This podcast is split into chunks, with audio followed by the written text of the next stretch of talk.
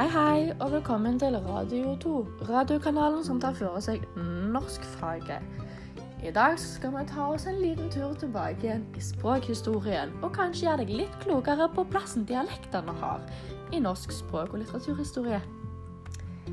Noen av temaene vi skal ta for oss, er hva sammenheng har det med nasjonalromantikken? Hva gjør det til særnorsk? I tillegg skal du få et lite litteraturinnslag i dagens bokklubb. Vi har vært så heldige og har fått med oss språkhistoriker Trym Kippersund til å fortelle oss litt om begynnelsen på den fantastiske språkreisen til landet vårt.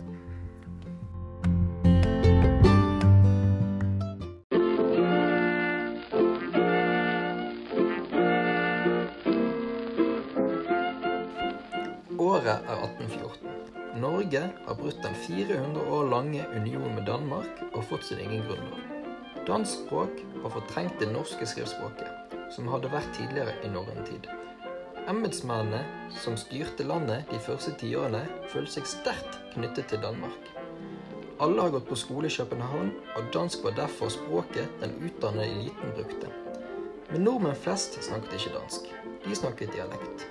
Bare blant embetsmennene var det vanlig å snakke det såkalte bokspråket. Det vil si at de snakket omtrent slik vi gjør når vi leser en dansk tekst med norske språklyder. Grunnloven ga alle menn som hadde jord stemmerett. Det var disse som valgte stortingsrepresentantene. I 1830 styrte ikke embetsmennene landet alene lenger. Og i 1833 var det for første gang flere bønder enn embetsmenn på Stortinget. Og disse snakket helt fullt eller med innslag av sin egen dialekt. Under nasjonalromantikken ble bondekulturen løftet fram som det ekte norske kulturen. I den nasjonalromantiske stemningen ble tanken om et eget skriftspråk født. Og for første omgang var det kamp mellom de som ville fornorske det danske skriftspråket, og de som ville beholde det slik som det var. Etter hvert kom tanken om et helt nytt skriftspråk. Historikeren Peter Andreas Munch var sterkt imot å lage et norsk skriftspråk som var basert på det danske. For å unngå kaos og rot mente Munch vi burde ta utgangspunkt i en dialekt som ikke hadde forandret seg så mye fra det norrøne språket, og bygget skriftspråk ut av dette. Det var denne ideen som var utgangspunktet for arbeidet til Ivar Aasen. Ved reise rundt i landet gikk det opp for han at folk snakket svært ulikt. Derfor tok han utgangspunkt i de dialektene han mente hadde forandret seg minst fra norrønt, noe som var dialektene fra Danger, Voss og Sogn. Dette skriftspråket han opprinnelig kalte folkespråk, som seinere ble omdøpt til landsmål.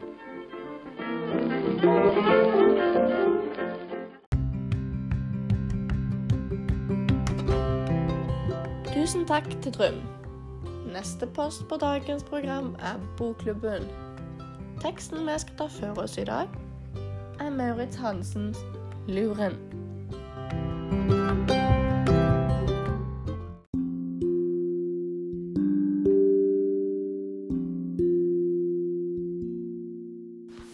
Neppe sto jeg i dalen før en middelaldrende dølig fin nasjonaldrakt kom meg i møte og rakte meg sin hånd. Velkommen til oss, landsmann. Ta til takke med det jeg kan skaffe deg, sa han i sin fyldige, trofaste dialekt. Og vi gikk fremad imot gården, der lå midt i den smilende dal.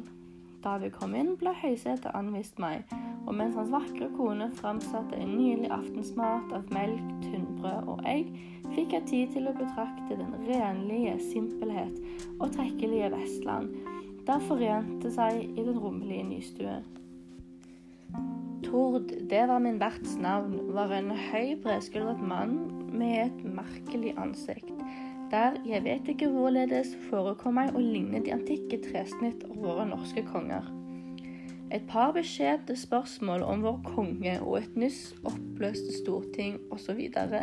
unnslep ham nesten imot hans vilje, og jeg så hvorledes nysgjerrigheten kjempet med frykten for å uleilige den trette gjest. Men nå kunne den aldrende kone ikke lenger bære seg, bare seg. Jeg, og gjorde meg spørsmål på spørsmål, og skjønt verten kjente på henne fordi hun, sa han, plaget meg. Så jeg dog tydelig at han gledet seg ved enhver nyhet jeg fortalte. Etter en halvtimes time Etter en halv times forløp hørte vi kyrnes brøling under vinduet, og straks derpå trådte en pike inn hvis usvortet sterkt frapperte meg, skjønt jeg i tussmørket ikke rett kunne betrakte henne. En høy, rank vekst, et blekt, betydningsfullt ansikt, svømmende blå øyne og et gult, fritt bølgende hår falt meg straks i øyet. Farens skarpe blikk slo henne imot gulvet, mens moren sa i en snakksom tone. Kom hit, Ragnhild, og hils på den fremmede. Han er fra Kristiania. Med en rolig, alvorlig mine hilste hun meg. Ikke med den nyss utfoldelse, møs unnseelse, men med en viss holdning og avstand som forundret meg. Og jeg følte en uforklarlig interesse for piken. Jeg grep et påskudd og betraktet kveget, og ba henne følge meg og vise meg det. Alt hun sa, rørte meg med den klare, bløte aksent hvormed hun talte sitt dølespråk, og i den bestemthet med hvilken hun valgte sine uttrykk. Hun ble synlig forlegen over den oppmerksomhet hvormed jeg betraktet henne, og førte meg snart inn igjen til faren, der ventet meg med ølkrysset i hånden. Luren ble gitt ut i 1819 og er regna som Norges første novelle. Fortellingen tar for seg bymannen Carl Møllemann fra Kristiania, som reiser til Gudbrandsdalen. Bymannen forteller om hans nyoppdaga kjærlighet til den norske landsbygda. Skjønnheten i dølespråket blir det òg lagt vekt på.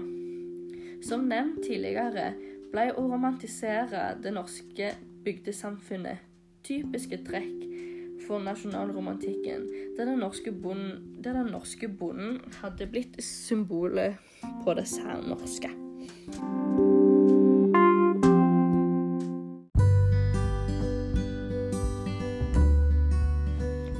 Dette var Bokklubben.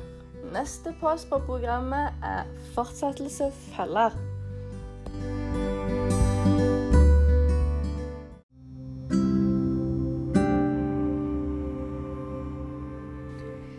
Mange tror at dialekt er noe som er særegent for oss nordmenn, men det er det ikke.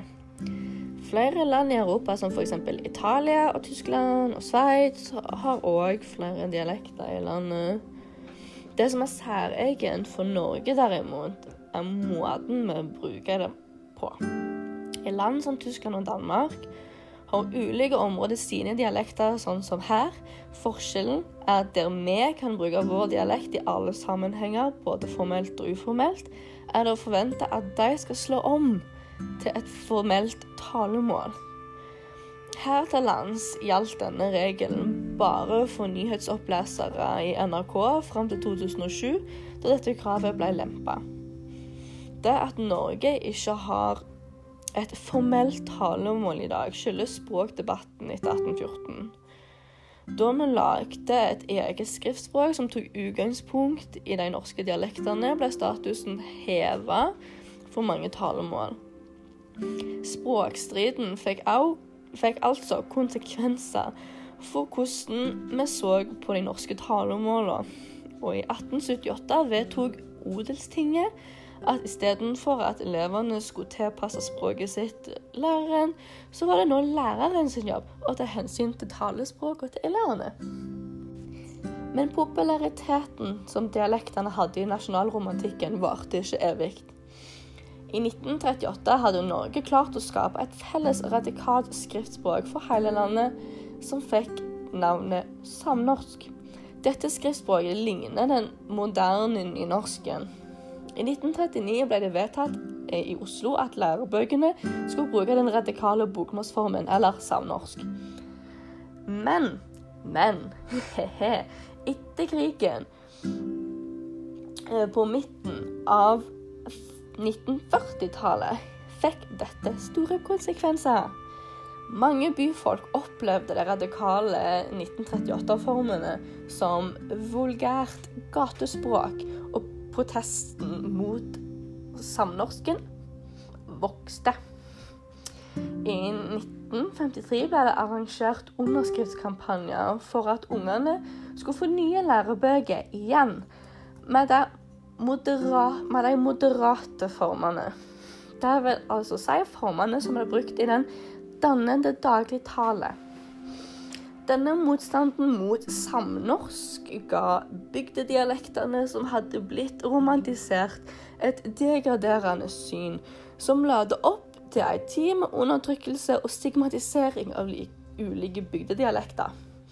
Et eksempel på dette er en annonse fra Drammenstidene fra 1.3.1960, der en kan lese at nordlendinger ikke var ønska som leiemottakere. Det endte derfor med svært mange som la om målet sitt når de flytta inn til byene.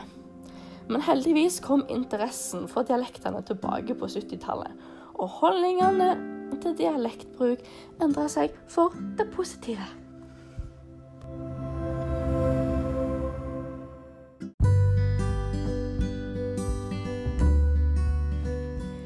Ja, dette var alt vi fikk tid til i dag. Neste uke skal vi diskutere forholdet mellom Henrik Wergeland og Johan Sebastian Welhaven. Takk for nå.